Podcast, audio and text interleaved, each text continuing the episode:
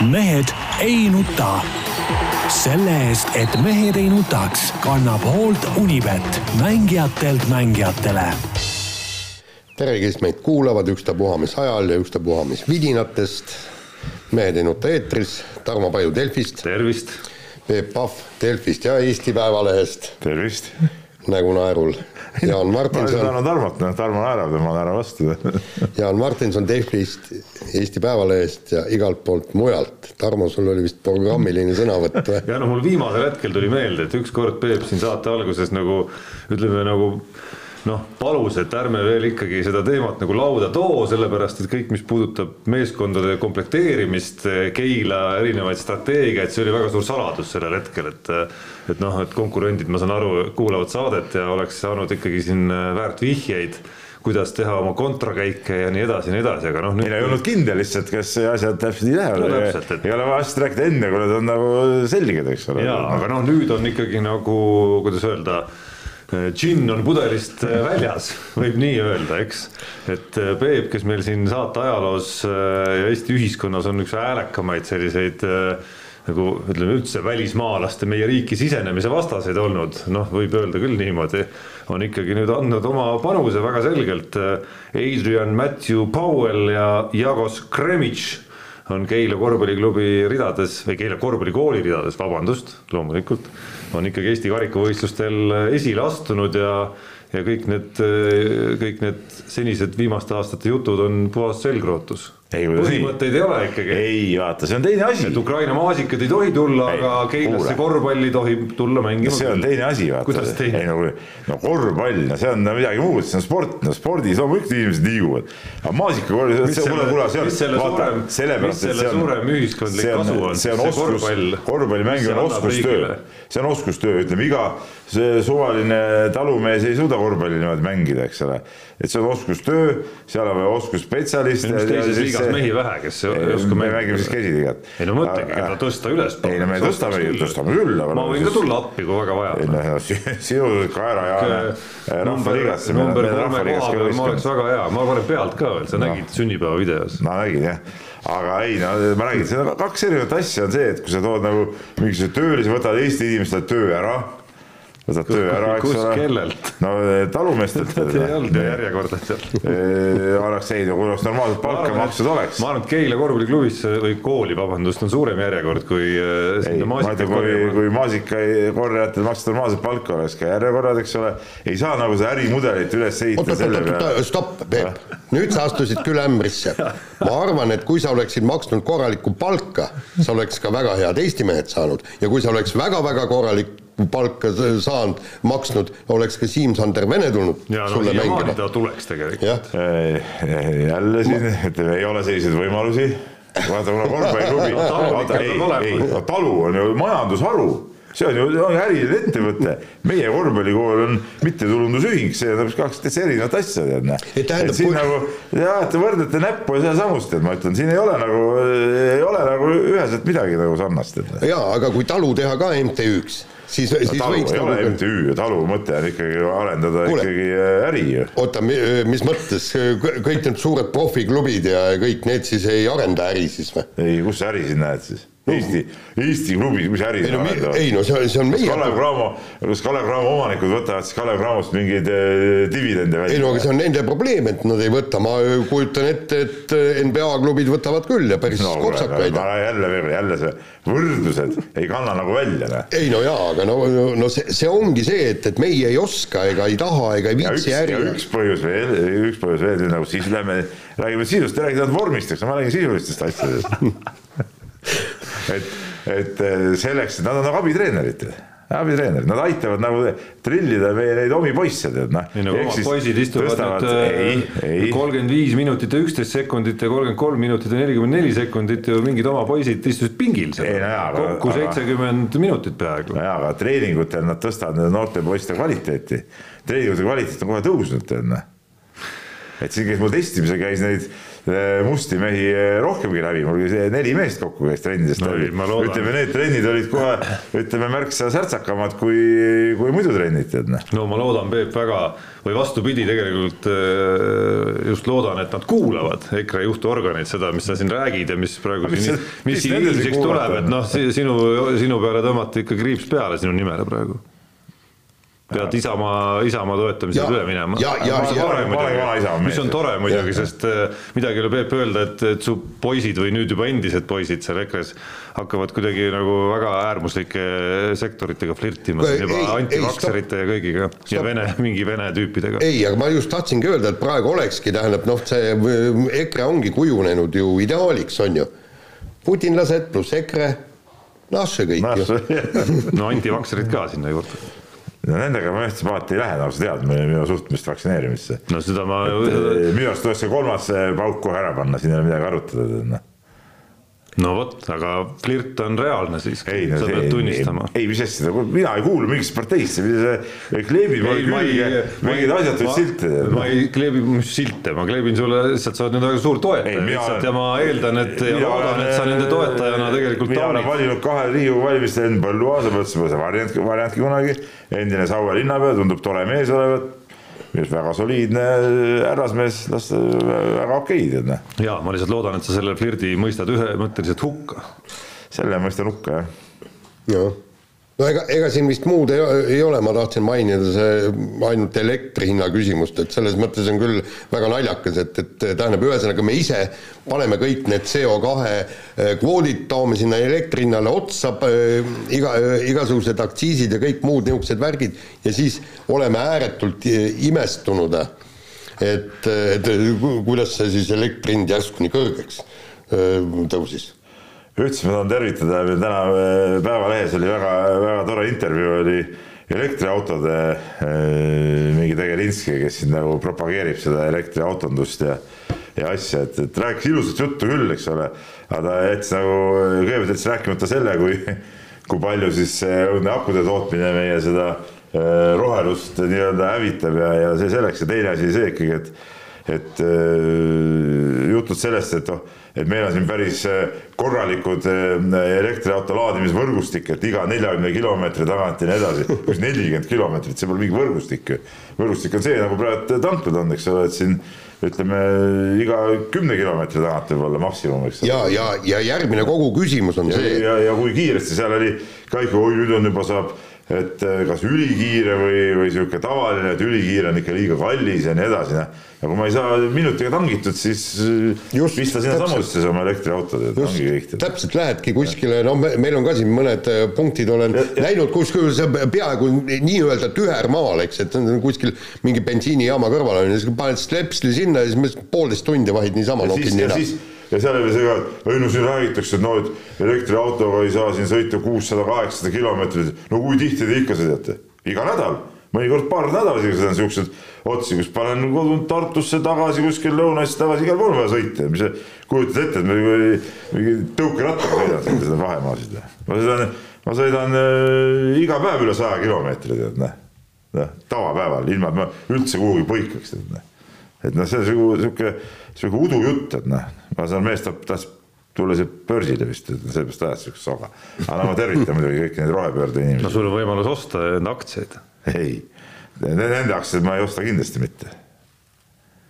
Mina vereimejate raha endale ei taha. kus, kus nüüd siis, mis, mis nende vere imemine siis nagu teistmoodi on, kui ma ei tea, mõni muu panga või mõne mõne muu vere imemine. panka ma vist ka ei taha, pangad on ka vereimejad jah. On jah? on jah. kelle aktsiaid siis nagu sobib osta? mingit, mingit siukest masinatööstust, tead noh, see on ikka tõsine asi. okei, Eestis vist ei ole seda. ei ole jah vist kunagi oli ek- ekskavaatortehas ja Oleks jah. jah, ja Igati. meil ju tehti Need oleks bu- väga hea. Lätis bussigi isegi on, aga seal ma ei, ma muidugi ei tunne kõiki neid Läti börsifirmasid, seal üks, üks viimase aja mingi popp firma on seal börsil, aga see on ka rohkem nagu elektroonika ja siukeste vidinate. Ei, ei, vidinaid ei taha, ei, ei. igasugu kiibid ja kiibindus ja kõik. no kiibindus, no tead, kui autokiibitses valmis, mis puudu on, tead, noh, siis rohkem, rohkem nagu- see valdkond. siis neil oleks nagu lööki, et sa pead ikkagi siis USA poole ja Euroopa poole, Saksamaa poole vaatama, autotööstus näiteks. jah, autod, autod. Volkswagen. Volvo. Kes diiselautosid toodavad, neid, neid tahaks toetada. nii, kuule, okei okay., lähme spordi juurde ja räägime kohe korvpallist, et äh, Petse Kalev Cramo väga vingelt mängis muideks ja meistrite liiga alagrupi turniirile vedas ennast välja ja kusjuures äh, te olite ju mõlemad üsna skeptilised selles suhtes, pärast esimest võitu ütlesite, et see oli okei okay,, aga need olid kaerajaanid, keda võideti, et nüüd tulevad tõsisemad vennad vastu ei olnud seal tõsidust kuskil, teine, teine mäng ju tuli rahulikult koju ja siis viima-, viimane mäng äh, no viimane mäng oli ikka punn-punni loterii. punn-punni loterii, aga lõpus mängiti just tõesti tegelikult hästi. lõpus ma rõhutan, ei mänginud ühtegi eestlast platsi peal, mis mind nagu häiris. see, see häiris tõesti. mind nagu häiris tegelikult kogu selle asja juures, ma ütlen, see Kalevi võit oli tore ja, ja, ja kõik oli nagu nagu vägev, saame eurosarja korvpalli näha ja see noh, viis pluss, eks ole. aga see, et lõpus oli korraga väljakul viis legionäri, viis, mitte kaks nagu normaalses võistkonnas, eks ole, vaid viis, vot see on nagu, see nagu natuke jätab siukse noh, mis ma siis hõiskan seal nende peale siis noh mis see, mis see, mis see, mis see minusse puutub siis, kui seal mingid suvalised vennad mängivad? no Kalev alustas ka kunagi üheksakümnendal aastal ühe legionäriga, et eks vaatame, kuhu Keila korvpallikool kunagi selles selles evolutsioonis äh, päriselt ei, jõuab. sa saad ise ka aru, et ei ole mõtet ju. aga okei okay,, see ei ole teema, selles mõttes, et no nagu me rääkisime ka Saku Suurhallist pärast mängu, et mind see detail ausalt öeldes nagu häirima ei jäänud, et kui sul legionär on meeskonnas umbes pool, no siis noh, paraku tuleb ette ka neid hetki, kus võib-olla ei ole ühtegi eestlast no, väljakul. sa oledki globaalne euronoor. aga, aga võin olla küll, mis siis ikka, et täitsa okei okay. ei, aga okei okay,, ma olen, ma oleksin nõus, kui nad suures... oleks e eurooplased olnud, eks. aga suures plaanis, ei no üks neist oli siiski ka, et lätlane ja neli ameeriklast oli see viisik, mida Peep silmas peab seal lõpus kuskil poolteist minutit vist oli, oli kuskil mängu lõpus, et et noh, suures plaanis eestlased nüüd nagu pildilt kadunud ei olnud see, et, et sealt on puudu üks vähemalt selline nagu kandvas rollis eestlane, sellest me oleme siin saates rääkinud vähemalt paar korda ja see ei tule nagu üllatusena otseselt nagu kellelegi, aga noh, suures pildis selle turniiri kokku või üldvaatena noh, ma ei saaks öelda, et, et Eesti mehed nagu kadunud oleks olnud, et sealsamas finaaliski ei saa salata, et Gregor Hermeti kaks kolme punkti viset, üks kolmanda veeranda lõpus ja teine neljanda veeranda algul olid võib-olla üldse need, mis selle mängu pöörde tõidki lõpuks, et et see seitsmene vahe, mis seal tükk aega valitses ja kus minu arust vist selle seitsmese vahe kaotusseisu juures tuli, tuli vist ka üks Martina Sketševitšuse kolmene rõngast välja, selline, mis oli juba peaaegu minemas sinna, mis oleks võinud vahe kümne peale kasvatada, et et sellele järgnes pärast sellist, see püsis vist paar minutit seal isegi see seis seal ja, ja siis tulid need kaks hetke, kus Hermet täpselt sama koha pealt eh, oma kaks kolmest ära panid, et et noh, neid hetki ja Kitsing lõpus, kes teenis oma vabaviskeid seal ja nii edasi, et ütleme seda koosseisu ülesehituse arvestades isegi eestlaste roll minu arust oli üle ootuste hea sellel turniiril isegi. ja ei, ma ütlen tervikuna jah, polegi midagi hullu, aga see lõpp oli lihtsalt see, aga okei okay,, jätame see lõpp lõpuks. aga tervikuna hea, ütleme Kitsing, Hermet noh, nemad äh, mängisid oma koha välja, ütleme selles viimases mängus nüüd äh, Martin Torbek küll alustas, aga tema äh, roll jäi nagu kahvatuks ja, ja noh, Nurger ei olnud ka võib-olla kõige paremas hoos, aga siis ütleme, ülejäänud eestlased siis olid lihtsalt nagu pingi peal seal plaksutamas, aga noh, töö seegi, eks ole.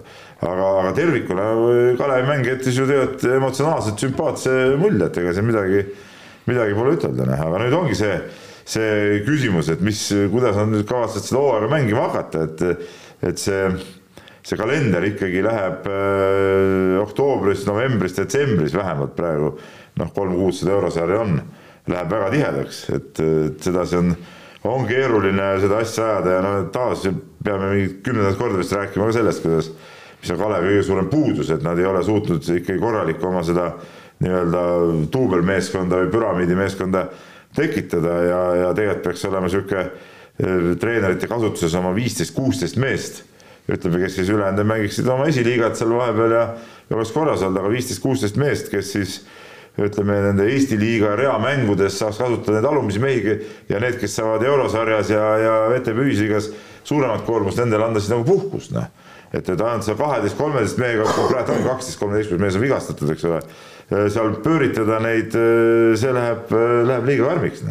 noh, üks asi on veel see graafik ja selle tihedus, aga noh, teine asi on ka see, et süües kasvab, ja, ja süües kasvab isu ja, ja nii-öelda see tase, mis vastu tuleb, kasvab ka, et okei okay, loomulikult ei kasva see üle Moskvat CSKA-de ja Peterburi seniitide, aga, aga siiski väga tummised satsid tulevad ka sealt vastu, ehk siis seda nagu tummist osa ja seda nõudlikku osa graafikust tuleb siia sügishooaega päris palju et, äh, et kui nüüd nii VTB mängudele kui nendesse, nendele eurosarja mängudele otsa vaadata, noh siis ma saan aru, et eile juba Kalev Cramo treenerite staap läks nii-öelda klubi juhtkonna juurde nõu pidama ja aru pidama, et et kuhu nende nägemuses äh, oleks jõudu juurde vaja, ma ei tea, kas, kas see arutelu jõudis ka kuskile no, eile või mitte. seda nüüd täna kuuleme neid asju jah, et mis, mis ja kuidas. aga, aga noh, nagu noh, nii-öelda punkt number üks või selline nagu e-, esimene asi, mida tahaks, et nagu kõlama jääks, on ikkagi, no ma olen seda aastaid siin raiunud sarnaselt äh, Gerd Kullamäele ühes teises podcast'is, et, et minu ootus selle järele, et ma tean, Peep, sa ei ole kunagi väga nagu olnud vaimustuses sellest mõttest, et siin vahet pole, kas tulevad Prantsusmaa klubid või Türgi või need ei kõneta nagu sind eriti. ma jälle tunnen, olen kogu aeg tundnud, et see nagu side Euroopaga võiks nagu olemas olla ja me võiks seal nagu regulaarselt olemas olla, et mu unistus on ikkagi sellest, kus me mängime või Kalev Cramo mängikski VTB liigat ja meistrite liigat, ohverdades mingil määral noh, ideaalis sellel kujul, nagu sa kirjeldasid siin. no seda ma räägingi, ei mul, mul ei ole midagi eurosarja vastu. ütleme siis selline nagu järelkasvu meeskond, mehed, ma ei tea rotatsiooni seitsmendast viieteistkümnenda kohani saavad äh, sel perioodil põhiraskuse koduses liigas ja, ja, ja selliselt need meie hooajad hakkavad, hakkavadki kujunema, meistrite liiga ideaalis võiks ju paisuda tagasi selliseks, nagu ta oli mingil hetkel. mulle ei meeldi näiteks üldse. jah, et noh, praegu ta on selline nagu säästuvariant natukene, mis, mille koroona on, on meieni toonud, samas kui eurokapp läks nagu suureks tagasi, on ju. see on see meistrite liiga häda ongi, ta on see FIBA Fiba värk, nagu need kõik Fiba asjad on niimoodi lonkavad siin mitut jalga, eks ole et.... no ei, nii ei saa lõpuni ka öelda, et, et teisest küljest, mis oli ju erandlik ikkagi, on ka see, et äh, alagrupi mängudele pääsemisega nelikümmend tuhat eurot kukub klubi kaukasse no, juurde. seda, seda praegu teadki selleks, et üldse ütleme Euroliiga ja Eurokapiga mingil määral konkurentsis püsida. ja see on neil õnnestunud päris hästi, et äh, ma ütleks isegi, et üle ootuste hästi on neil õnnestunud nende aastatega, mis need on, mis meistrite liiga on tegutsenud, tõusta sinna Eurokapi rinnale, et okei okay,. Eurokapi rinnale, Euroliigale muidugi see lähedalegi. ei no Euroliiga lähedale ja. loomulikult jah, ei saa ja. ja see tundub ka selline mission impossible natukene, aga vähemalt äh, nagu teise-kolmanda sarja heitluses noh see vahe nüüd väga suur ausalt öeldes, ausalt öeldes ei ole. aga tehke mulle selgeks, on üldse Kalevil vaja Estikaid mängida või? Ei no Eestiga ikka vaja, me ütleme, et Eestiga, jutt on sellest Eesti-Läti liigast, eks ole. ja no ma mõtlengi ja, seda liigat. Eesti selle, need lisaringid nad jätavadki mängimata, neil lähevad kõik mängud Eesti-Läti liigast topelt kirja, mis nad Eesti klubidega mängivad, ei no ikka on vaja, no mis no hetkel on. sellel ei ole nagu ju ka pointi, et, et kes Eesti meistriks tuleb klubi, kes ei ole teate Eesti parim klubi või? no ja siis? ei, mis no ja siis? no see, see, see ju devalveerib selle koduse sarja nagu täielikult ära, kõik ju mängib, küll samamoodi siis kas, kas äh, Barcelonal on vaja mängida Hispaania meistrivõistlusi või? No põhimõtteliselt seal on süsteem selline jah no hetkel ja, ja, ja neil ei ole ka mängijate probleemi, nad saavad ikkagi no jaa, endale siis, piisavalt palju mängijaid. nii palju kasvama, mitte et me võtame nad Eesti, Eesti liigast nagu välja, mis oleks nagu üdini vale, vaid küsimus selles, et Kalev ise peab ikkagi lõpuks kasvama nii, kasvama nii palju, et, et nad saavad mängida kõiki neid sarju ja et see koosseis on piisavalt paks. no hetkel ei ole see küsimus ju aktuaalne, see on selline väga hüpoteetiline, et hetkel selles formaadis, kus, kus see meistrite liiga põhiturniir on ikkagi koosnemas äh, kuuest mängust ja sinna juurde VTB liiga, hetkel mulle ei tundu nagu väga aktuaalne see küsimus, et Kalev Cramo peaks näiteks üldse mitte mängima koduse liiga põhiturniiri et noh, mis, mis on nagu võib-olla nagu arengus või mingisuguses olukorras näiteks, kui Kalev Cramo mängis eurokappi praegu ja hoopis teise koormusega, mis võiks tegelikult olla päris mõistlik öö, äh, otsus lõpuks, noh, Aadria, Aadria klubisid on mitu, kes täpselt nii teevad, seesama Mornar Barr ei mängi Montenegro meistrivõistluste mingisugust põhiturniiri osa lihtsalt, vaid liitub hiljem, et et noh, see võib olla ühel hetkel, kui, kui me olemegi seal ükskõik mis Fiba või, või selles teises süsteemis nagu sees stabiilselt, saame sealt viisteist, kakskümmend mängu hooajal, see võib olla nagu paratamatu, eriti kui sul ei ole nagu ega tekigi sellist nagu järelkasvu kooslust sinna, siis, siis ei ole muud valikut lihtsalt. Aga jah, emotsioon oli äge ikkagi ja, ja, ja, ja isegi kui seal põhiraskust kandsid legionärid mingis osas, siis, siis noh, mida, mida ma kindlasti tahaks lisada siia või öelda ka juurde, et, et sümpaatsed legionärid olid, et jah, see kõik oli üllatus, eriti pärast nende Leedu mängude pealt. tõsi, peab ka tõdema, et ega neid Leedu mänge nagu reaalselt väga palju vaadata ei jõudnud ja, ja üleüldse kontrollmängude pealt ei maksaks nagu võib-olla väga suuri järeldusi teha. aga, aga lõppkokkuvõttes see kooslus äh, Stelmachers peatreenerina, sellise rokimehena seal eesotsas tema nagu emotsioonid, kõik need asjad, need, need jätsid nagu sümpaatse mulje, et need tagameeste trio, kes seal on, eelmine saates vist jõudsin korra mainida ka, et, et on nagu vähe teistsuguse keemia kui, kui see, kui see varasem legionäride tagameeste seltskond, et, et sellist nagu ühtlust ja ühtlust on rohkem ja ühe mehe esiletõusmist vähem ja mida on, mida, mis, mis nagu sümpaatsena jäi veel meelde, on ikkagi see, kuidas seal päris, päris mitu meest päris korralikult nagu kaitses ka pingutasid ja ja energiaga mängisid ja, ja emotsiooniga mängisid, et et päris lahe oli tajuda isegi ka mängujärgsetes intervjuudes seda nagu head rahulolevat vaibi, et elus, kus siin pidevalt on mingi jama meil ümberringi, et siis, siis midagi sellist nagu rõõmsat ja rahulolevat, et. no peale võitu on ikka emotsioonid sellised, hakkavad kaotused tulema, siis emotsioonid ikka muutuvad. ja no absurd on lood. Leevaneri suhtes ka ütleme, noh, sa tead ju aastate jooksul ka näinud, kuidas need mehed, mehed nagu muutuvad eh, suht lühikese ajaga, et, et ega me ei tea kunagi, kuidas asjad tegelikult hakkavad kujunema, aga noh, seekord oli, oli pilt hea, jah. nii, aga vahetame teemat, oleme siia ühe väikese ralli eri vahele lükanud, kuigi ühtegi suurt uudist rallirindelt ei ole justkui tulnud vahepeal, siis äh, väikeseid ja huvitavaid on palju ja võib-olla alustaks seda ralli rubriiki äh, muudatusest MM-sarjas, ehk siis äh, Jaapani ralli jäi, jäi ja jääb küll ära, mis oli varem teada, aga ei jää see koht tühjaks, Monza ralli on tagasi. no nagu me teame, kõige õnnelikum selle üle Jaan Martinson. no absoluutselt. kes Jaapani reisi asemel saab piirduda vaid Monza reisiga. ja, ja see ei ole piir, see on Itaalia, Monza no,. see on ju mõnusas piirkonnas ka. absoluutselt, no ta on äh, sealt Milanost alla sõita natuke.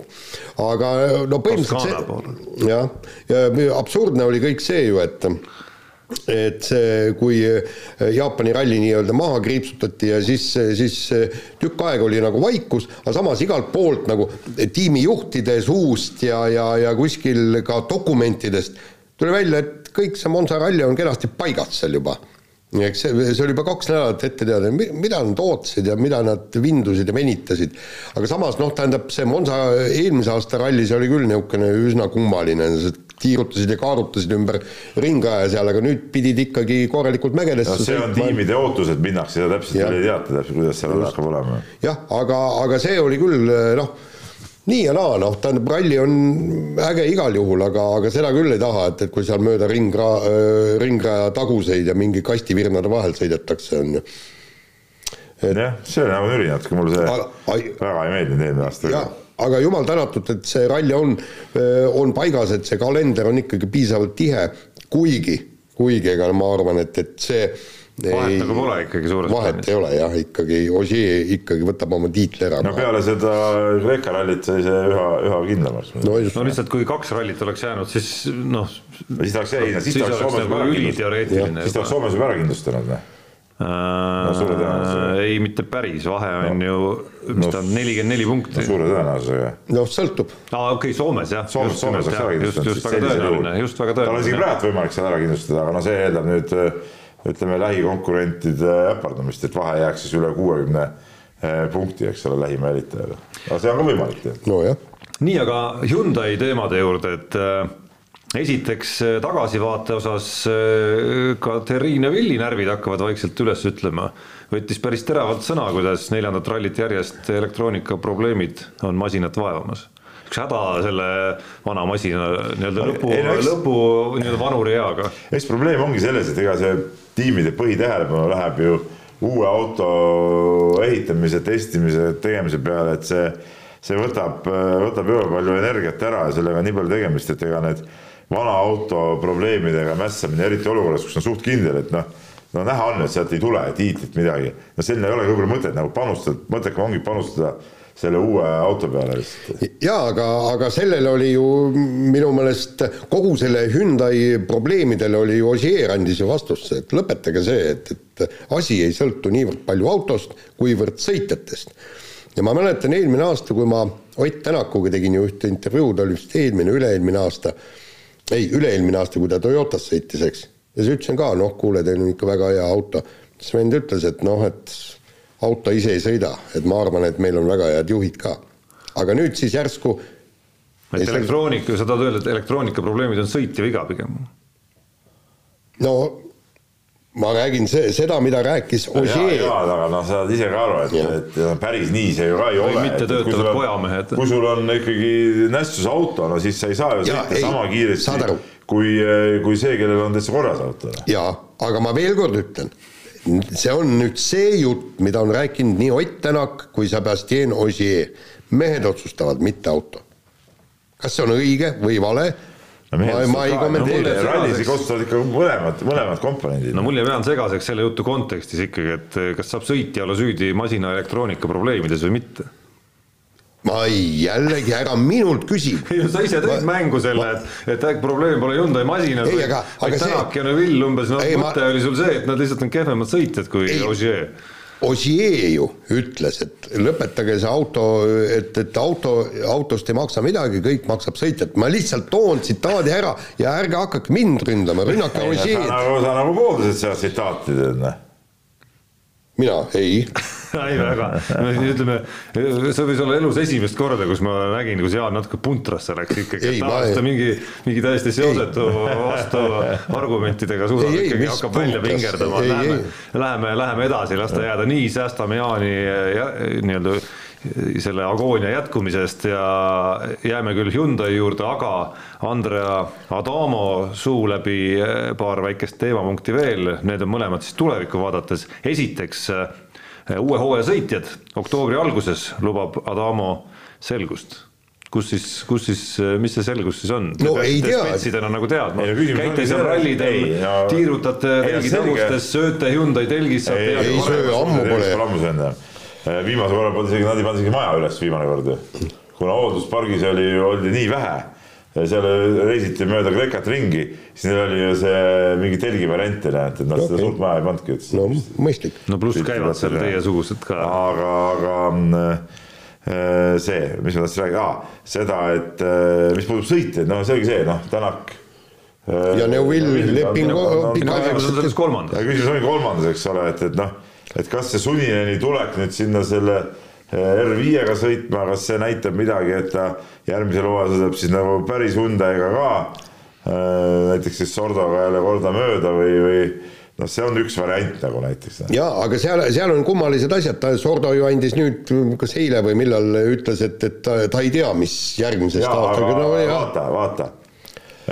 kui Priin, see on nagu sai nagu selgeks, et Priin järgmine aasta ei sõida, võeti Priinilt maha need R5 sõidud, eks Just. nii, aga Sordo, kas ta nüüd sõitis eelmine nädalavahetus, sõidab nüüd eh, R5, R5 autoga, et, et siis ei oleks nagu mõtet ja seal enam hoida, kui ta jätkaks seal. jaa, aga nüüd on te küsimus siis nii-öelda neljandas sõites ja juba keegi spekuleeris, et Oliver Solberg äh, tuleb neljandaks sõitjaks, aga no vend, kes on kaks rallit ainult äh, saab kõigepealt hakkab oma ilmselt ühiskondlikku kasulikku töötunde seal tegema seal tiimis, et, et siis saab sõitjaks ka võib-olla. aga ma arvan, et jah, et, et ikkagi pigem antakse Suninenile see töö ja Oliver Solberg Üksinda? lihtsalt ei, ei Sordo? Sordo, koos Sordoga, jah. see on loogiline. sest nad on äh, selles suhtes, Suninen ja Priin on natuke profiililt võib-olla sarnasemad sõitjad, eks ole, et äh, tema nagu Suninen Sordoga seda autot jagada võiks nagu iseenesest nagu väga hästi.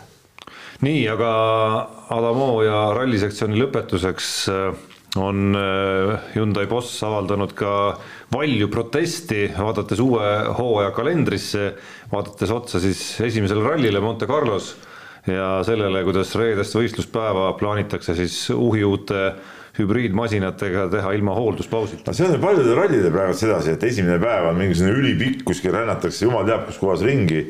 hoolduspausi pole, aga no eriti rängaks teeb see nüüd see, et need autod on uued, eks ole, nagunii seal esimestel rallidel tuleb palju siukseid tehnilisi tõrkeid ja see on täitsa loogiline. ja kui siis hoolduspausi ka pole, noh siis, siis see teeb nagu eriti julmaks, et ma nagu praegu küll aru ei saa, mis kohaga need, need äh, sarja ja, ja, ja ralli korraldajad mõtlesid. ja, ja, ja lisame nüüd siia juurde selle Monte Carlo ralli keerukuse ja raskuse, kus tõesti nagu rehve läheb, on ju, eks.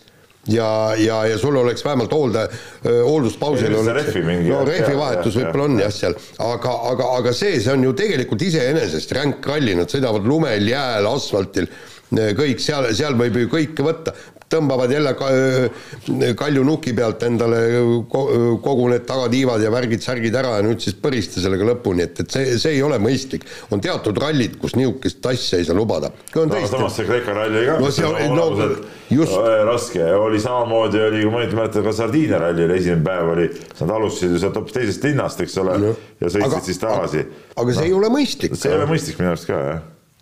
nii on jah, ja lähme tagasi kunagisse aega, kus pärast igat kiiruskatset võisid hooldust teha. siis oli ju see, et siis te hooldasid, kus tahtsid, eks ole. no just täpselt. et siis ei olnud neid hooldusparke kui selliseid. nii, aga lähme edasi eh, meie olümpiasangarite, olümpiavõitjate EP naiskonna juurde ja, ja, ja seal tuleviku suhtes on segased lood ja ma ei saagi nagu aru, et mis eh, nagu alati, kas alaliit suudab nagu üllatada ja, ja teha mingeid imelikke käike, et et Kaido, Kaido Kaaberma viis, eks ole, naised olümpiavõitjaks.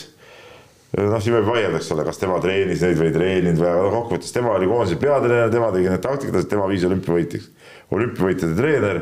Ja nüüd korraga ma saan aru, siis tuleb siis mingi konkurss, eks ole. No vähemalt oli idee korraldada. aga kust sihuke, sihuke idee? kust sihuke kust sihuke idee tuleb üldse, et okei okay,, ma saan aru, kui näiteks Kaaberma ütleks ära, ma ei soovi jätkata, et tehke konkurss, arusaadav.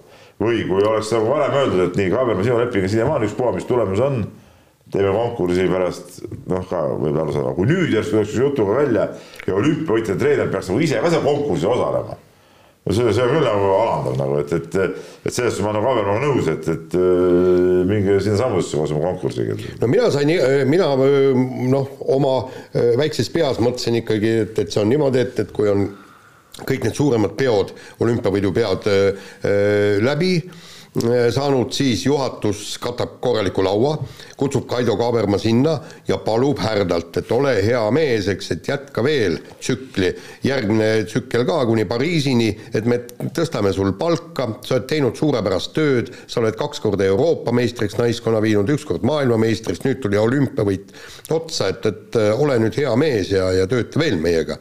Need kolm aastat ja siis vaatame edasi, eks ju, et kuidas sa ise soovid ja kõik nii aga, aga, aga nüüd tõesti ja kõige, kõige hullem ongi see, keegi mitte midagi ei tea. kõik, kõik räägivad, ma küsisin peasekretärilt, rõhksõnal praegu, praegu on Kaido Kaaberma äh, peatreener ja praegu ei ole konkurssi välja kuulutatud. aga kõik, kogu see vehklemisringkond, kõik teadsid, et jutud käivad, kõigepealt taheti konkurss teha äh, septembris, seejärel nüüd räägitakse oktoobrist, Erika Kirpu tuli spetsiaalselt selleks äh, Haapsallu. Ma ei tea, kas ta tuli Tallinnast, Tartust, kust, kust iganes. jah, tuli, tuli kohale selleks, et uurida, mis toimub. ja, ja, ja, ja ta, ju ütles ka välja, et kuulge, see on ju täielik jama, meil hakkab ju novembris hakkab Tallinna Võõk uus hooaeg pihta. meil on vaja juba reitingupunkte koguda ja kõik, eks. meil peaksid olema plaanid ju tegelikult sisuliselt ikka Pariisini valmis, millal on laagrid ja kõik. Tallinna Võõga eel peaks laager olema kõik nii. seda äh, mitte midagi ei ole küsin Ka- Kaidolt ka, ta ütles, et nad, ma ei ole kindel, kas ma olen peatreener, tema ise nimetas end peatreeneri kohusetäitjaks, ütles, ma ei hakka ju lampi neid plaane tegema. Ei no okei okay,, Pariis Pariisiks, aga no vähemalt see No hooaeg võiks nagu enam-vähem logistika ja mingisugune nagu ülesehitus nagu selge olla. just, aga, aga, aga seal ju, kui sa oled peatreener, sina pead ju panema ka pikaajalised plaanid. eks ja sul peab olema eh, selgus majas, et kas sa oled Pariisini peatreener või mitte. oota, aga kuidas see vormistatud on, ma eeldan, et neil on mingi leping. no, no see kehtib? no tähtajatu leping, nagu nüüd tehakse vist. Ei no kui on tähtajatu, siis ei, siis ei saa mingit konkurssi välja kuulutada ju, mis alusel sa lõpetad selle tähtajatu no, lepingu no, no,. minu arust Kaaberma peaks olema tähtajatu leping. jah, no seda veidram on mingit konkurssi hakata korraldama, kui see on tähtajatu leping. see väga... ei no teisalt Või- või oli see see ei tähenda, et sa elu, eluaeg oled tähtajatu leping, no ikka sa võid ei no vastastikusel kokkuleppel saab alati lepinguid kat- katkestada. kokkuleppeid pole sõlmitud ja, ja selles suhtes noh, kui ma ütlen, kui see konkurss niimoodi tehakse, et, et Kaaberma peab ise seal ka osalema, siis see on muidugi, see on nagu, ei ole küll ilusasti tehtud, no see on no, nagu ju- jura täiega. no mulle isiklikult äh, sellest on olnud saate ajaloos juttu ka siin mingi mõne muu ka pallimängu puhul tundub konkurss kui selline üleüldse.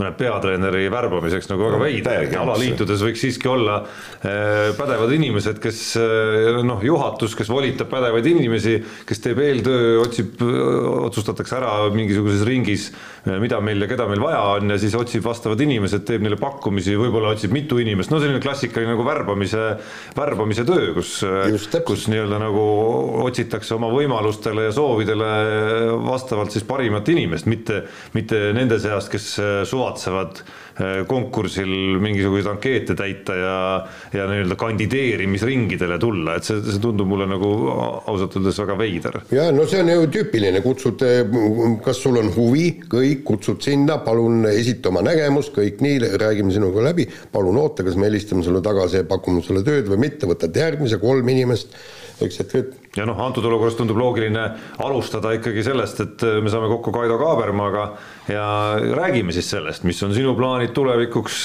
kuidas me oleme sinuga rahul, noh, kõik, kõik nagu sellised jutud on ju. ja- ja ja- ka selle jutu tulemusena võib tegelikult selguda, et meie arusaamad on võib-olla tuleviku vaates nagu erinevad ja mõistlik on otsida võib-olla kedagi uut, mõlemad saavad võib-olla aru sellest. ja kellega tuleb samuti nõu pidada, on ju sportlased ise. ma saan aru, et, et sa ei pea ju kõikide kahekümne kahe jalgpalluriga seda juttu, aga meil on sisuliselt neli sportlast praegu ainult ja nendega võ- võtta nemad kokku, mis teie arvate? vot meil on niisugune suletud ring sellest toast, mitte midagi välja ei imbu.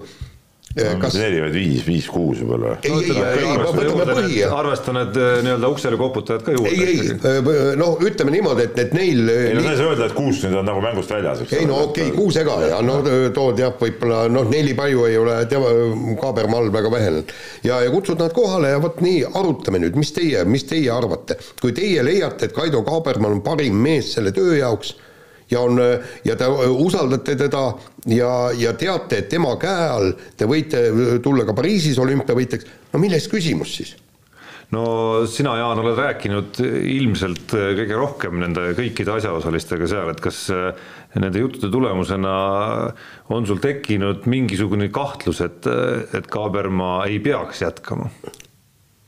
ei, ei mul ei ole ma mõtlen nagu naiskonna sees kumab midagi sellist. Ei, seda ei ole- või, seda või aru mingid märgid ütlevad, et näed, selle või teise asjaga ta ei saanud hakkama, et see, mis välja kumab mulle, olles üsna episoodiliselt puutudes kokku nende jälgimisega, on see, et ega Kaabermaa ju väga lihtsas olukorras ei ei ole olnud naiskonna peatreenerina, et väga erinevad tüübid, põlvkonnad, kõik on oma treenerite käe all, päris tihe sisemine konkurents seal ja ja no väikseid skandaalipoegasid on ka seal olnud, kes seal peaks naiskonnas olema ja mitte, on ju, et noh, see ei ole nagu lihtne asi olnud, mida hallata, aga see, mida olümpial vähemalt näha sai, oli üks väga ühtne neljaliikmeline naiskond just, aga, kus aga, kus, kus kasvõi see Embrichi küsimus, kus äh, vähemalt äh, nii-öelda kõikides avalikes kommentaarides kumas küll nagu vägagi läbi see nii-öelda nagu, et ja, ja igal juhul Embrich oleks pidanud rajale saama ja nagu kõik, kõik sellised nagu laused, mis viitasid mulle, et see naiskond on nagu kokku kasvanud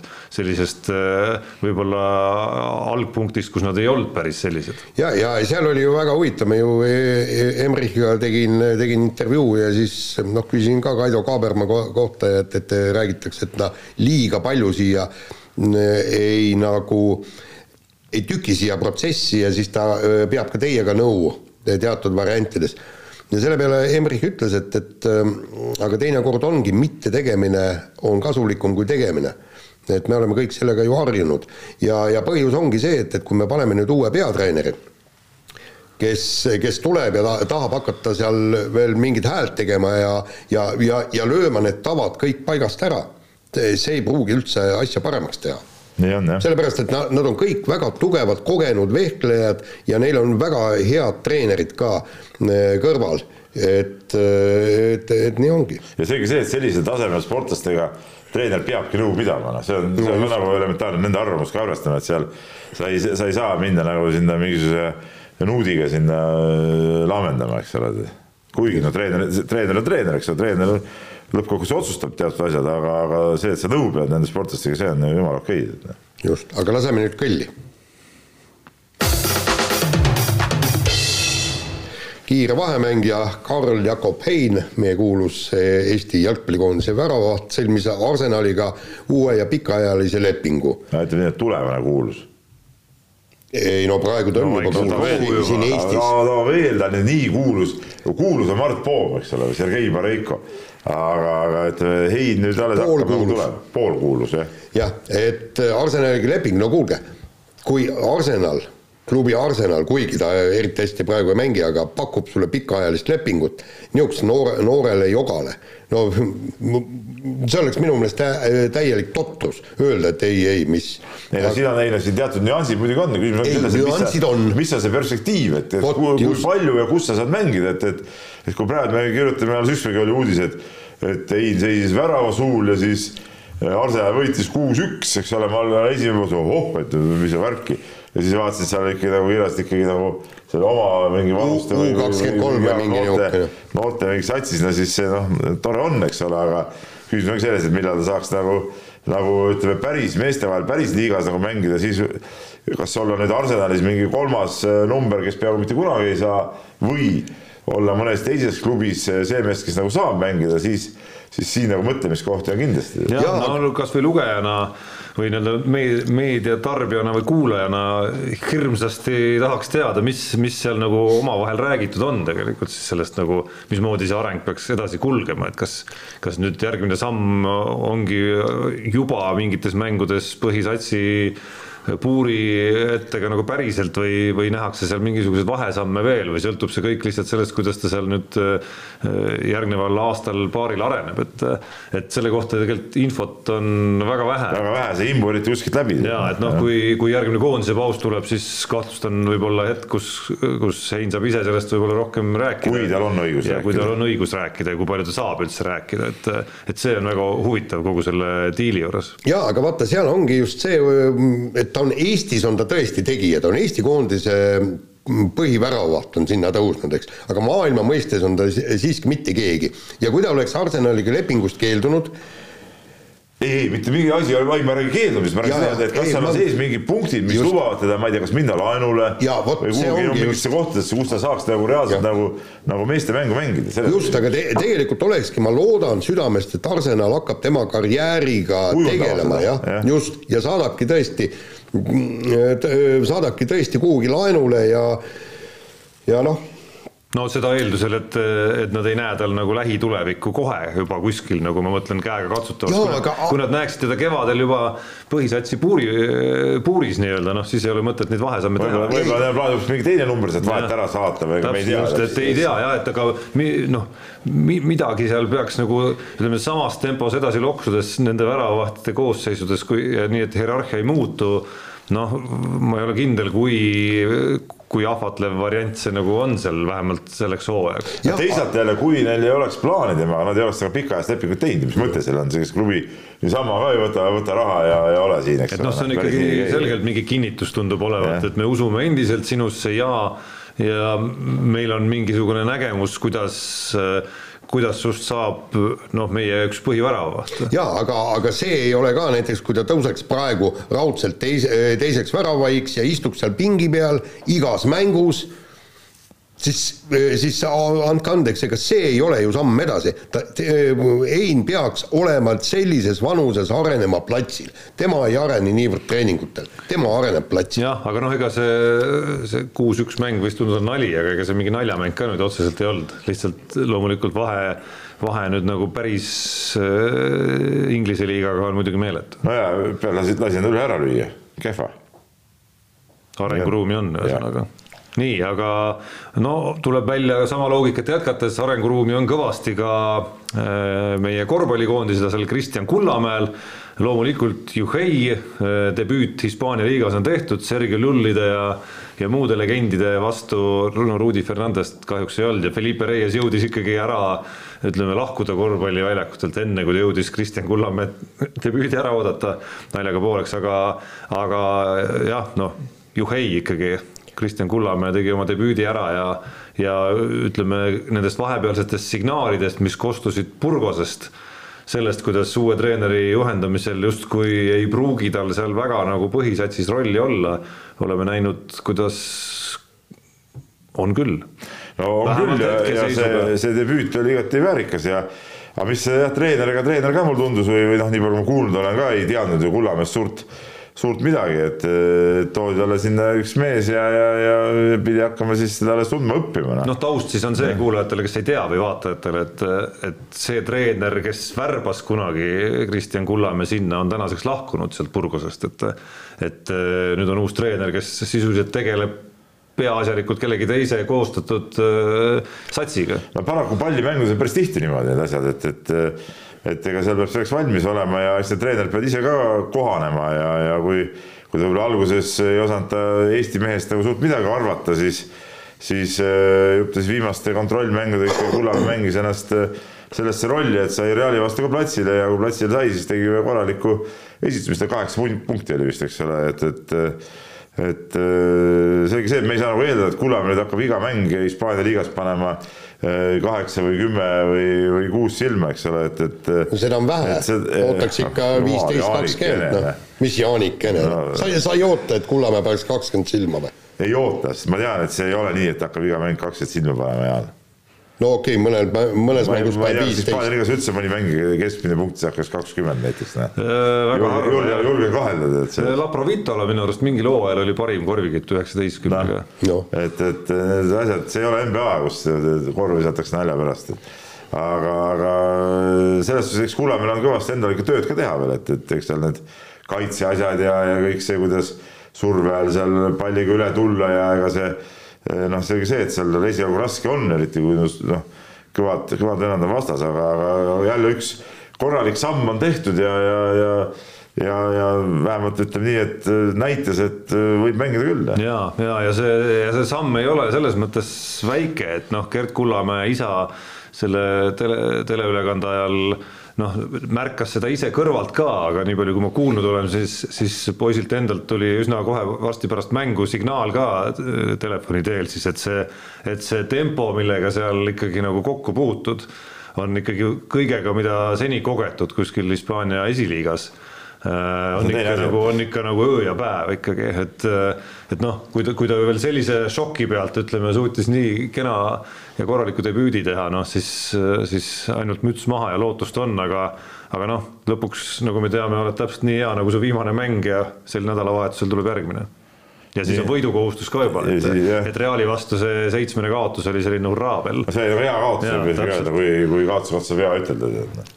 nii, aga Aavo Keel Äh, on siis äh, nüüd andnud intervjuu meie noor reporter Märt Roosnale ja, ja ütles ta seal, et Läti võrkpallikoondise eesotsas ta ilmselt ei jätka ja ütles, et äh, sinna vaja uut luuda ja see, see väljend natuke tekitab minus imestust, et kas vana keskerakondlane Aavo Keel on võtnud siis Isamaa loosungid nagu üle või, et, et kuidas Isamaa pühib siin ju neid platse puhtaks, et, et kas Aavo nüüd soovib siis Läti koondise etteotsa mingi mõnda Isamaa meest, Reinsalut siis või?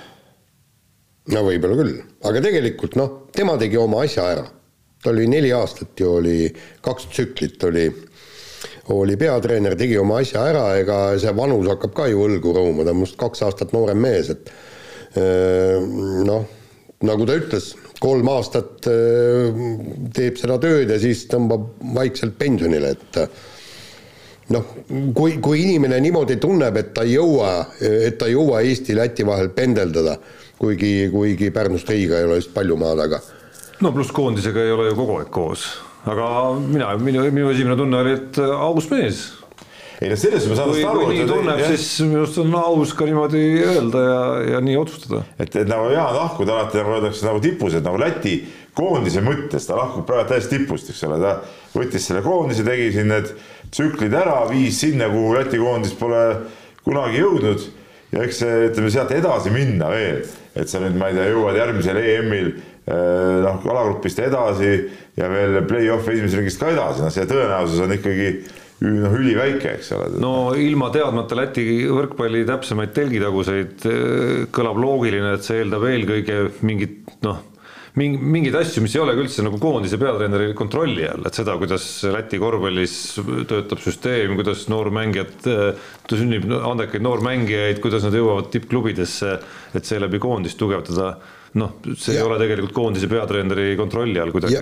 aga seal olevat jah, et, et mõned noored mängijad, kes, kes võiksid areneda ja, ja seal ongi ju tegelikult, kui me võtame need noored peale, et see tähendab ikkagi nelja-aastast nii-öelda tsüklit, enne kui, kui nemad mm, saavad selle täisjõu sisse ja kui nüüd Aavo Keel praegu võtaks, jätkaks seal eesotsas, siis, siis sealtmaalt jääks nagu see töö poolikuks, eks. Nad, ta viiks need nooremad mängijad selle võistkonna nii-öelda võib-olla järgmisele levelile, aga vot see otsustav samm, eks, nagu me räägime sinna kaheksa hulka, pürgisime, eks, sinna on veel kaks aastat vaja, eks ja, ja tegelikult, kui järgmine treener on, siis noh, ta, peaks ikkagi minema niisuguse nelja-aastase perspektiiviga. no nagu Aavo läkski ju. esimene, esimene, esimene tsükkel läks, läks, läks, ja, ja aga siis ta tegi oma töö ära. jah, nii on. nii, aga võtame võrkpalliplokk nagu võib ütelda. aga no võrkpall on tore mäng. jah, aga noh e.... nii, Sven Vossem. jah, aga, aga no väga. ütleme nii, et see, selles suhtes ta on nagu kabe et, et, et nagu naiste ja laste mängijad kehalist kontakti pole, et, et, et kabe on ka sihuke, ütleme malega võrreldes täpselt on korvpall ja võrkpall, täpselt on sama võrdlus nagu. no selles mõttes on autoralli nagu täiesti mõttetu ala see on hoopis teist. sa isegi ei, sa isegi ei näe, sa isegi ei näe vastast, oled ainult seal omaette seal kabiinis. vaata praegu sa jälle võrdled valesid asju, see on hoopis teise kategooria ala, tehnikasport. okei okay,, ma ei saanud aru, et see on teistmoodi. nii, aga, aga see, mis. sa pead ikka mingi manuaali tegema. ja, jah no aga sa võiksid et, ju lõpuks kuidas mingi põhimõte nagu mingis asjas on nagu kehtib, aga mingi teise asja puhul ei puhtu, et kui, kuna ta on tehnikasport, siis see ei ole oluline. Tarmo, selle pika aja peale sa oleksid, pea, peaksid niisuguseid asju juba lennult tabama. jah no ei, ei on arenguruumi ikkagi kuidas nagu seal, kuidas seal liberaalses Euroopas ütleme, need sinusugused mehed just nagu niimoodi läbi löövad, kes mitte millestki midagi aru ei saa? no ei, aga ma ei olegi löönud võib-olla sa jätad küll siukse mulje, nagu sa oleks nagu. ma ei ole nagu, ma ei ole seda muljet nagu taotlenud kunagi ja nagu ma täitsa avameelselt tunnistan siin, näed, jälle ikkagi äh, jäin nagu jänni, äh, ütleme siis sellise nagu kõrgema mõttelennu püüdmisega. no aga püüa veel. ei, loomulikult jätkan, ma ei ole lootust nagu jätnud üldse nii, aga räägime Saaremaa võrkpallist ja, ja seal on segadus, mina ei saa seal ja põhimõtteliselt ma ei saa äh, mitte muhviga aru, äh, Märt Roosna kirjutas suurepärase artikli, kus asjad olid äh, veelgi sega, segasemad, ühesõnaga Saaremaa võrkpalliklubi tahab jätkata. eurosarjas. eurosarjas kusjuures. Ja siis, kuna Eesti meistrivõistlustel neil kohta ei ole Eesti-Läti ühisliigas, siis nad tahtsid minna Venemaale ja hakata mängima eh, treeningpartneriks. see on ju kõige hullem asi, et sa oled nagu treeningpartner, noh. sa nagu, sa ise ei mängi, sa lihtsalt mängid. ja, ja põhimõtteliselt eh, neil pidi olema vist mingid üks... mehed, ma sain aru, said palka juba septembri algul. ei, seal eh, mingid mängijad. ei, seal oli noh, Märdiga eile veel rääkisime, ta ütles, et libero pidi neil olemas olema. libero on olemas seal, seal muidu muidu libero vist lõpetaks üldse karjääri, aga ütleme, kui Saaremaa sats jätkab, siis ta nagu jätkab. ja, ja seal väidetavalt olla veel üks mees, kes, kes võiks nagu tulla ja siis noh, sellega aitab küll ära, eks libero toob pallid üles ja teine lööb pallid maha ja teine mees saab servida ka. no ranna olles. no absoluutselt, nii et, et mängida annab küll, aga no kuulge, andke andeks, noh ei ole treenerit, ei ole mängijaid, aga tahaks mängida eurosarja ja minna siis äh, Venemaa kõige tugevamatele klubidele nii-öelda treeningpartneriks mul tekib küsimusi ikkagi selle klubi juhi siukse, ütleme nagu reaalsustajus või, või siukse nagu mõttelises stabiilsuses. aga inimene tahab. meenutab seda Kreisi raadio klippi juba seda, kes sinna jää peale hakkas ehitama mingi järve järve jää peale mingisuguseid keskusi ja siis raha ei olnud lõpuks sina Tarmo mäletad ka seda aega, oli siuke vormis nagu Jüri Basket, kus siis pidid tulema rahad mingisuguse mingi muusiku kaudu, ma ei mäleta, mis see oli, mingi muusik oli, kelle kaudu need rahad pidid tulema. oli küll mingi viiuldaja. mingi viiuldaja ja, ja lõpuks need rahad muidugi ei tulnud ja kogu see projekt kukkus nagu kokku lõpuks, aga mul see nimi ei tule meelde, aga, aga natuke selle venna jutud, et me lähevad samasse, samasse kategooriasse, et mingisugune mingi umbluu käib kogu aeg, tead noh. jah, aga, aga. ja no miks on see, see küsimus ka seal, mis, mis, mis selle nagu mõte nüüd on? mis selle mõte, eriti mõtteks tundub mulle just see, just see treeningpartneri staatus nagu, et sa oledki siis nagu treeningpartner, noh, et sa mitte ei mängi mingit sarja, vaid saad palka selle eest, et sa, et sa lihtsalt siis ma ei, ma ei tea, kuidas ta ette kujutas, et ta teeb kontrollmänge siis nende venelastega või? no ilmselt küll, jah ei no aga vaata. Hillar Taamal leidsin üles ka selle, selle viiuldaja nime, kes, kes pidi tulema toeks. Jüri Basketile siis. Jüri Basketile. aastal siis kuskil, ma ei tea, kas üheksakümnendate lõpp või kahe tuhandete algus ma pakun välja, kui see temaatika üleval oli. ei, aga Peep vaata, Saad-, Saadjov, eks, Venemaal on tu- tugevad klubid, aga näiteks neil on äh, paar meest on ähm, vigastatud, paar meest on noh, nagu eelmisest mängust väsinud, neil on vaja trenni teha, kuus kuue vastu mängida. aa, et ja mehed lähevad nagu sinna si- niimoodi jah, nagu trenni. lähevad sinna, jah, noh näiteks on nagu rändtsirkus. Kalev, Kalev Cramol on olnud perioode küll, sa tead väga hästi kus äh, ei saa viis-viie vastu trennis mängida, väga hea mõte. jah, ei absoluutselt ja siis tellid kohe kohale mehed. jah, jah, ja, ja, ja miks ainult Vene pakiautomaatid., miks ainult Venemaaga piirduda, saab ju tegelikult hoopis terve terve Euro-, no reisimise mõttes võib-olla Euroopa, aga kui vaja, siis ka kaugemale. ja, ja, ja kusjuures eh, muretseda eralennuk ja siis ongi, vend hommikul helistab, kuule jõu, et meil on õhtuses trennis eh, vaja näiteks seal Hispaania klubi näiteks. selge, midagi, helistab meestele, kuule mehed, lennukisse ja Hispaaniasse. Tuleb Jah. välja, et tuleb välja, et võib-olla geniaalne äriidee hoopis, mida me siin naerame, ikkagi jah. no ega me õnneks, meil on nagu, me oleme õppimisvõimelised, et me selle ju- jutu ikkagi lõpetuseks jõudsime nagu asja ivani, aga äh, lõpetame selle ploki ka võrkpallijutuga ja ei millegi muuga kui sellega, et Eestiski, Tallinnaski alanud Euroopa meistrivõistlused said lõpu ja said lõpu niimoodi, et Itaalia, nii nagu jalgpallis, nii nagu Eurovisioonil vist oli jah. Nagu naiste nagu võrkpallis, saja meetri jooksus olümpiamängudel jälle Itaalia. vaatasin seda, seda mängu ja, ja tegelikult üks silm nutis, teine naeris, et It- Itaalia sats on muidugi väga sümpaatne, aga, aga sloveenid oleks tahtnud ka, et nagu väike riik tuleks nagu Euroopa meistriks, nad on neid hõbedaid võtnud siin kõik ja sel põl- põlvkonnal jääbki kuld saamata aga, aga samas, kui südikalt need itaallased mängisid ja kui emotsionaalselt ja kõik ja no seal ikkagi lõpuks otsustas äh, asja ära see öö, neljandas-viiendas game'is on need serviseerijad, et, et, et seal ikka pandi nii võimast servi ja ja sloveenid noh, ei saanud mille sellega hakkama ja aga no, nii ta on. ja et neid otsustavaid mänge oli ju põnev vaadata, no üldse kõikide pallimängude suurvõistluste otsustavaid mänge on äge vaadata, ükskõik kes seal mängivad, et et äh, piisas seal poolfinaali vaadata mõned minutid ja esimene emotsioon oli, et, et no see ei ole reaalne, mis kiiruse ja jõuga ja mis kõrgustelt äh, neid palle üldse lüüakse ja kui kiired need tõsted on ja et see, see tundus nagu, no meie mehed tunduvad ka nagu head võrkpallurid kõik, aga see klass, mis seal mis seal poolfinaalis, finaalis ikka vastu vaatas, see oli nagu täiesti teine maailm. et jah, ühele asjale nagu meile julgustuseks andis ta ka tõestust, nende mängude vaatamine väga tihti ei satu.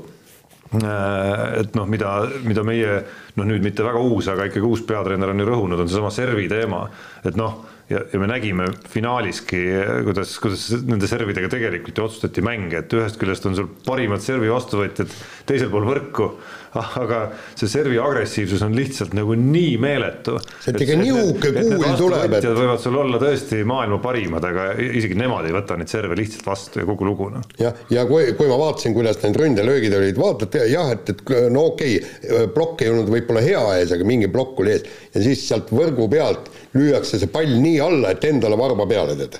et praktiliselt see, no see tõesti löögi kõrgus on ikka noh, müstika. ja no vägev elamus ja noh, see itaallaste üheksateistkümne aastane tegelane see tundus üldse nagu ebaaus figuur, Ebaaus. ebaaus figuur natukene nagu muu maailma suhtes, et üheksateistkümne aastane selline eh, keha, selline nagu serv, noh, isegi vastuvõtus ei jäänud ta jänni, et nagu minu arust oli see täitsa ebaaus nagu ebaaus, ebaaus, pole, kuulutame Itaalia võidu, siis ebaausust. just, nii, aga laseme kõlli nüüd. Unibetis saab tasuta vaadata aastas enam kui viiekümne tuhande mängu otseülekannet. seda isegi mobiilis ja tahvelarvutis. Unibet, mängijatelt mängijatele Nonii, ennustuskurud ma pean sinna tunnistama, et ei, ei ole midagi ütelda. tead, ausalt öeldes ma ei mäleta, ma vist panin ai, see on juba kõrgem tase. Ei, see oli kõrgem tase. nagu algtase, üks nagu udususe algtase on Peep, kes lihtsalt noh, nagu ei, unustab, ei ole meeles, ei jõua. udususe nagu järgmine level ilmselgelt on Jaan.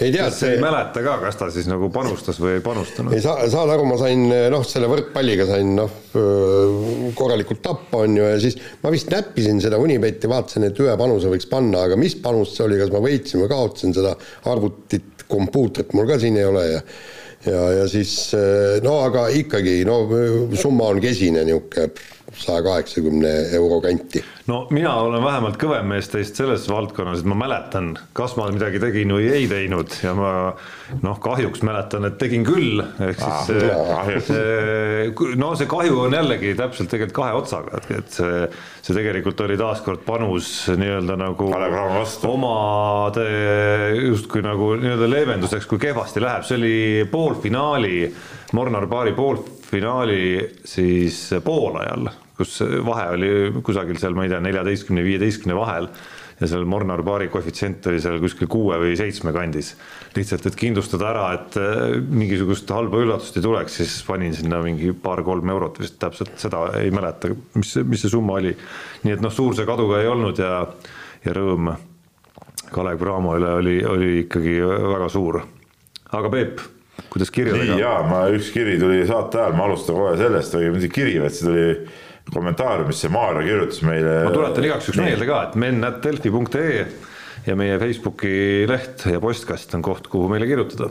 sest et äh, see noh, läheb, lähme selle ralli juurde korraks tagasi, et see on päris, ma ei tea, kas sa näed seda kommentaari või, aga äh, Maarja kirjutab ja, ja küsib nii, et äh, miks Ožee siit röövist ära läks, oli auto viga tema jutu järgi, Jaan? ei te, tegelikult on huvitav küsimus jah, huvitav küsimus jah.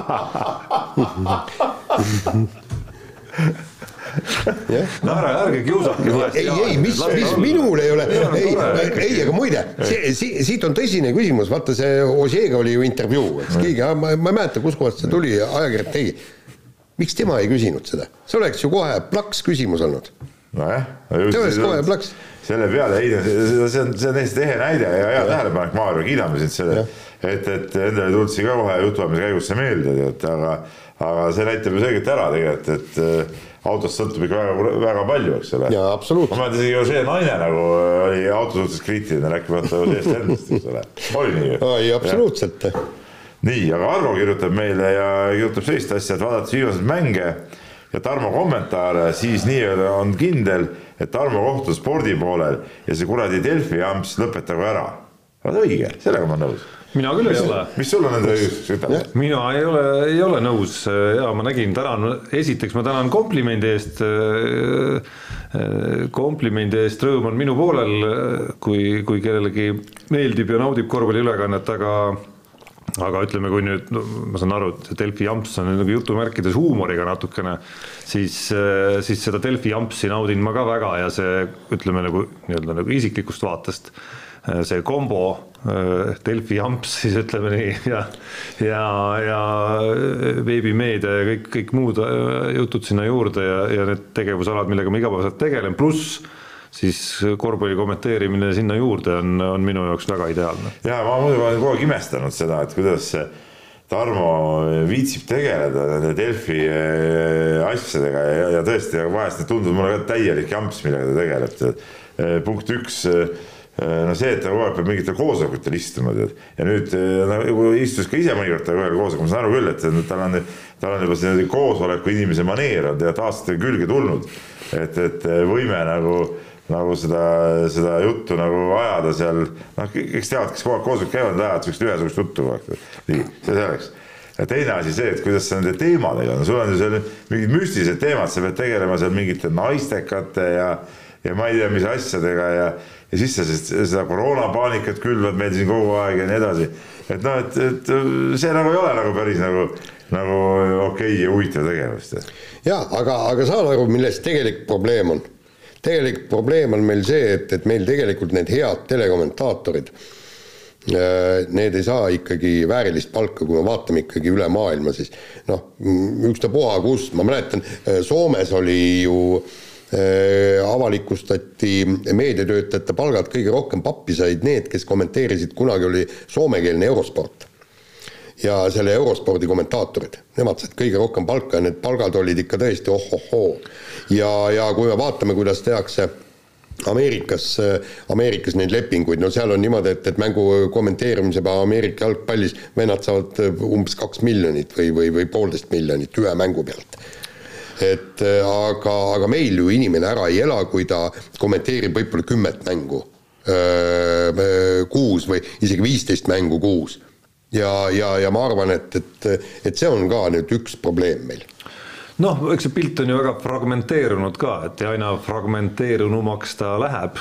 noh, mis puudutabki neid erinevaid kanaleid, kes üldse näitavad äh, sporti, et äh, väga paljudes kanalites jao kaupa on jagunenud kõik see tohutu spordisisu ära, et, et noh, reaalselt teleinimesi, telekanalite palgal spordiinimesi, spordiajakirjanikke või, või neid ongi ainult ETV-s siiski ju. ja see on väga halb noh, halb või mitte, aga, aga noh, reaalsus, et, et. no see reaalsus ongi halb. ja ka seal kanalis noh, nagu komment, kui, kui nad, kui nad tegeleksid ainult ülekannete kommenteerimisega, noh siis võiks ammu pooled ära saada, sellepärast et, et, seal ei ole ka ülekandeid. meie telekanalites, kui me läheme telejutu peale, on spordiuudised kui sellised ju on, polegi mujal kui ETV-s näete ju. Ei Kanal kaks ega TV3 ju, ju seda õiget spordiuudist ei tee. noh, tegelikult mina eeldaksin Eh, miks mulle ei meeldi need üldse ka need maailma spordikanalid paljud, eh, ka eurosport, see sport kolm, eh, see uudiste osa pole seal, miks ei võiks olla kolm spordis näiteks, ma ei tea, iga no ma ei tea, paari tunni tagant mingi uudisteplokk, noh. ja ei, seda kindlasti jah. miks ei võiks olla? Ju ei huvita siis piisavalt no,. ei, kuidas ei huvita, kui sa. oot-oot-oot-oot, kuule, vaata, kui nad panevad kümme vaadatamat saadet või, või kakskümmend, et iga nädal. esikümnes ju. esikümnes on AK Sport ju no aga kui, kui see reiting seal nii maas vedeleb, siis oleks ammu üles korjatud. no aga võib-olla ongi selles, et, et kõik need meie. no järelikult on rumalad. on nagu valesti üles ehitatud, noh, jah järelikult on rumalad. no ei tea, ma ikkagi tahaks uskuda ja arvata ja olen ka suhteliselt kindel, et nad on teletegemises meist siin targemad siiski. ei, ma ei, ma, ma ei ole selles kindel. inimesed on lihtsalt seal oma, omas mahlas kinni ja, ja, ja nii on, aga ma siia. kuigi mul vahel, kuigi mul vahel teatud äh, asju tele-eetris vaadates on ka muidugi kahtlusi seal mingite asjade tervemõistuslikkuses nii, aga ma lähen äh, viimase saate lõpuks äh, musta ees. ühe asja siiski korrigeerin ka, Peep, jaa, lihtsalt, et ma ei ole, sa jätsid must mulje nagu mingist koosoleku fännist, täiesti välistatud. see, see ei ole minu töö lemmikosa. ma ükspäev, äh, kui ma olin ühel ühisel koosolekul, siis, siis ma nagu mõtlesin selle peale, kui sa tulid teist või kolmandat korda kuidagi ühe jutuga nagu tagasi ja see, ma, ma ütleks nagu negatiivses mõttes, aga, aga see ilmselt see koosolutel ongi nagu, kes hästi palju koosolutel käivad noh, minule koosolek nagu üldse ei meeldi teadupärast, üldse mulle ei meeldi tegelikult. ise käid? ma käin, aga ma käin, no mina käin seda, teen nalja seal natuke ja. ei no ma saan aru, mis sa mõtled jah, tulebki tagasi ja, tuua see jutt. ja, ja, ja tuleb. et midagigi saaks nagu selgeks ja, ja, selle istumise jooksul. ja, aga no okei okay,, ei, kõik on, on nii nagu on, aga mina pooldan, eeldaks ka, või eeldaks, eelistaks seda, et Tarmo oleks siiski spordižurnalist, mitte tegeleks tühja tähjaga, nii, aga nüüd ma olen ikkagi musta eesli kirja juures, ma tahaks natuke ikka nagu Jaani ka kõditada ja, ja, ja siin nagu on, on nagu Jaani, Jaani kohta tegelikult nagu juttu küll ja see kõigepealt hakkab sellest pihta, kuidas siis Jaan ju ennustas, eks ole, Vipsile seda vormel üks põhikohta seal Alfa Tauri meeskonnas, eks ole, et, et küsitakse, et kirjutatakse, et ainult kusagil sürreaalsus elab Jaani jaoks sai olla Jüri Vipsil võimalus hõivata ju põhisõitja koht et, et selleks peaks, oleks ta pidanud saama oluliselt stabiilsemaks. siiani on olnud ka üksikud sähvatused, kus stabiilsusest tundub vajaka jäävat, lisaks tundub mulle, et high-tech'i masinad on, äh, kipuvad kiiruse osas teistest tippudest maha jääma ning eriti just Vipsil rehvid konkurentsis kiiremini ära kuluma, nii et nagu ütleb spetsialist, et variante ei olnud nagu, sina siin. ja no Tsunoda, kuule, Tsunoda tuli eelmine, eelmine aasta, mis ta oli äh, vormel kaks viienda koha pealt tuli. Äh, ja, ja, aga nagu näitas siis ütleme, sul ei olnud õigus ja siin kiri jätkub niimoodi, kuna Jaani esimene soovunelm ei täitunud, siis tuli ta välja kohe uuega ja hakkas rääkima sellest, kuidas paljud noored ei saa võimalusi, kuni F1-s pole piisavalt kohtasid ja vaja oleks rohkem autosid rajale. Äh, vastuseks sellele hakates ajaloos ringi tuhnima, selgus, et viimase kümne hooaja jooksul on tulnud sama palju uustulnukaid eelneva kahekümne aastase perioodi jooksul kui eelneva kahekümne aasta perioodi jooksul kokku seega tundub, et noortel on piisavalt võimalusi jõuda F1-te. oot, oot, oot, oot, oot, oota, oota, oota, siin ma kohe ütlen, eks. suur osa kõikidest nendest noortest, nii-öelda noortest on ju maksulised sõitjad kõik need Mazepinid ja, ja Strollid ja no Stroll on okei okay, sõidumees ja aga, aga seal on ju minu arust on liiga, minu arust on noori tulnud liiga palju, ma ütlen ja mina arvan, et noortel ei peaks nii palju võimalusi olema. järgmine aasta ei tule ühtegi noort. mulle meeldib see, kui vormel ühes saavad ikkagi ikka need põhivennad nagu tead, no mingi, mitte mingid tundmatud nimed, kes vahetuvad seal ka üle aasta. nii, aga jätkame siit, jätkame siit seda, kus ma see järg nüüd segasid ära, nii, nii, nii lisaks ei ole paljud F1 rajad füüsiliselt üle kahekümne kahe auto teenindamiseks valmis, sulgudes boksialad liiklusrajal. ja mis kõige olulisem, F1-s peavad sõitma tippude tipud ja sõitjate arvu vägisi suurendamine ainult devalveerib spordiala. no ma kiidan takka. ja kõik on õige, aga need noored peavad ka saama kuskilt kogemust. Nendel hakkab kart, hobikart, kart. Ei, kõik on õige, aga vormel üks- vormel üks on ju hoopis teine. see koht, kuhu Ei. noored peaks saama niisama. ei, aga kuskohast nad sinna saavad, kui nad ei ole sellega sõitnud? viimase. Max Verstappen tuli ja näed, tuleb maailmameistriks veel. no nüüd, nüüd ta on juba sõitnud kaua, aga, aga üldiselt ei pea need tulema, need noored niisama sinna. ei tohi devalveerida seda, ei pea olema sarjas seal viiskümmend ei, aga nad peaksid saama ikkagi sõiduvõimalusi, et, et ähm, punkt üks, harjuda selle äh, autoga ja, ja punkt kaks äh, äh, omandada kogemusi ja näidata ennast, mis on. me, me räägime Max Verstappenist, me rää- võime rääkida ka tuua siia Vetteli, kõik need, need on ju supertalendid, keda on üldse ük, üksikuid üldse maailmas.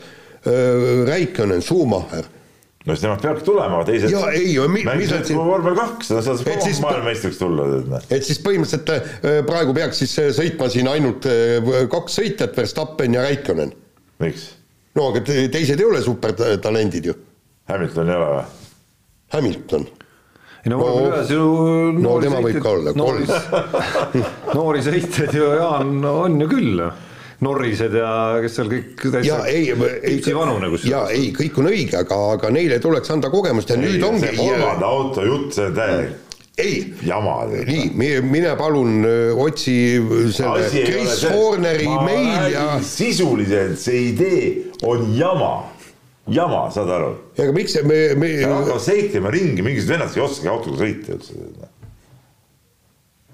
rajal, no aga kuidas nad siis saavad kõik tulla, need noored, kui nad ei oska autoga sõita? ei nad peavad arenema välja seal. võisku kolm aastat järjest vormel kaks ära, siis võib-olla. ei tohi, esi, ühe see aasta on lollus. see on tä- täielik lollus, vormel kaks, samasugune sari, vormel kolm peaks MM-sarjad olema, sõidab, mõni võiks seal, nii, nii kui seal vaata rallis, Kajetanovitšid ja mehed sõidavad vormel kahte, siis neljakümne aastased ikka sõidavad seal. miks ma vormel kahes ei või sõita? Vana mees näiteks, aga mulle meeldib vormel kahega sõita, ma ei taha ühega sõita, vormel kahe maailmameistriks tulla, noh. no nii, aitab küll teile.